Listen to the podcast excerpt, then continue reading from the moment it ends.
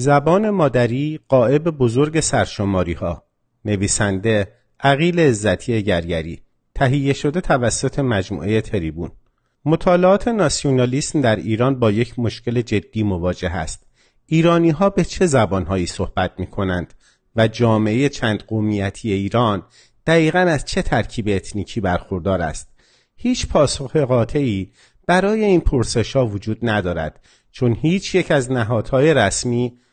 چون هیچ یک از نهادهای رسمی متولی تولید آمار در کشور داده‌ای در این خصوص منتشر نکردند. در مراجعه به درگاه مرکز ملی آمار ایران که بر اساس بند الف ماده 54 قانون برنامه پنجم توسعه مرجع تهیه، اعلام و انتشار آمارهای رسمی است با چنین عبارتی مواجه می‌شویم در هیچ سرشماری در مورد قومیت سوالی پرسیده نمی شود و هنوز بند چهارم قدیمی ترین آین نامه وظایف اداره آمارگیری که سراحتا از تعیین زبان و مذهب و ملیت ساکنین نقاط مختلف مملکت سخن گفته به اجرا در نیامده است. ناگفته نماند که مرکز ملی آمار به وظیفه تخصصی خود عمل کرده و در طراحی پرسشنامه های مقدماتی طبق توصیه های سازمان ملل، نظرات کارشناسی، نیازهای آماری سازمان ها و وزارتخانه ها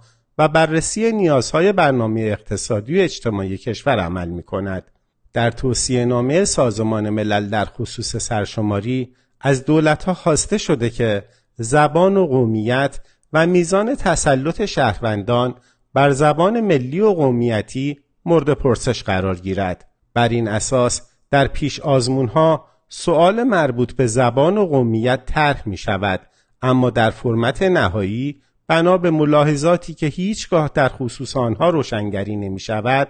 این سوال حذف و یا همانند پرسشنامه سرشماری سال 65 از جمعآوری اطلاعات مربوط به آن خودداری می شود یا برای مثال در آزمایش سرشماری 1388 در فرم دوم پرسشنامه خانوار بخش ویژگی های عمومی افراد در سوال های 15 و 16 پرسیده شده بود این فرد تا چه حد به زبان فارسی آشنایی دارد و این فرد به کدام یکی از زبانهای محلی یا قومی می‌تواند صحبت کند و در پاسخ گزینه شامل گروه های زبانی بلوچی، ترکمنی، ترکی، عربی، کردی، گیلکی و لوری و مازندرانی طراحی شده بود. اما در اصلاحیه فرمت نهایی سوالات مربوط به زبان و مذهب طبق سنت و نانوشته حذف شدند این در حالی است که مثلا برای محاسبه شاخص تراکم افراد خانوار در واحد مسکونی سوالی چون تعداد اتاق، آشپزخانه اوپن، آشپزخانه غیر اوپن و غیره مورد پرسش قرار گرفته ولی سوال مربوط به زبان و قومیت غیر ضروری تشخیص داده می شود. راهبرد فهم رمانتیک ملت با تکیه بر وحدت زبانی و سیاست های یکسانساز دیر زمانی است که نه تنها پاسخگوی چالش های هویتی موجود نیست بلکه با اعطای رانت به متکلمان یک گروه زبانی زمینه گسترش احساس تبعیض در میان گروه های زبانی دیگر را فراهم می آورد. همچنین باید توجه داشت که در جهان معاصر دارندگان هویت های متنوع پرچمدار تعارضات هستند و در این بین هویت های زبانی و دینی بازیگرانی تأثیرگذار محسوب می شوند. جهان راه نجات را در کاهش تعارضات از طریق احترام به تکسر هویتی یافته و هر کجا که احترام به هویت ها رنگ می بازد خشونت میداندار می شود. از این رو پژوهشگران متأخر حوزه مسائل ایران کانون هویت و وفاداری ایرانیان را نه در ابتناع بر زبان و قومیت خاص که بر اساس ملیت و شهروندی پیشنهاد می کنند که پاسخگویی به تقاضاهای فرهنگی اقوام را نیز متصورتر می کند. در چنین شرایطی است که در یازدهمین کارزار انتخابات ریاست جمهوری شاهد ظهور گفتمان جدیدی در حوزه مطالبات اقوام هستیم در این دوره برای نخستین بار است که نامزدهای مطرح از شعارهای مرسوم انتخاباتی فراتر رفته و برنامه های عملیاتی مشخصی چون ایجاد معاونت اقوام ریاست جمهوری و تأسیس فرهنگستان زبان آذری یا همان ترکی آذربایجانی را وعده می دهند و در نهایت رئیس جمهور منتخب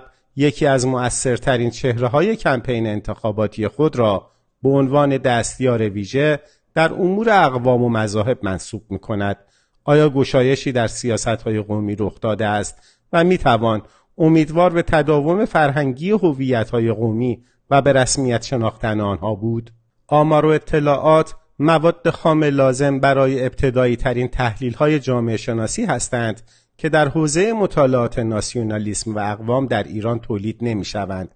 آینده پژوهی ترکیب قومیتی و پیشبینی ساختار اتنیکی موضوعی نیست که بتوان به سادگی از کنار آن گذشت. در جامعه چند قومیتی و دارای تکسر فرهنگی و مذهبی که حتی در سرشماری های دوره‌ای آن پرسش هایی در خصوص زبان و مذهب پرسیده نمی شود و هیچ گونه داده قابل اتکایی در مورد ویژگی های حتی جمعیت شناختی آن وجود ندارد ارائه راهکارهای جامعه شناسانه برای فهم و حل مسئله قومیت ها چگونه میسر خواهد بود؟ در رویکرد اقلانی به واقعیت اجتماعی تکسر قومی اگر نخستین گام سیاست گذارانه اتخاذ استراتژی به رسمیت شناختن تنوع قومی باشد نخستین برنامه عملیاتی نیز شناسایی و برخورد واقع گرایانه با این موضوع است. سیاست های اجتماعی اندیشیده در حوزه کلان اصولا باید مبتنی بر آمار و اطلاعات پایه‌ای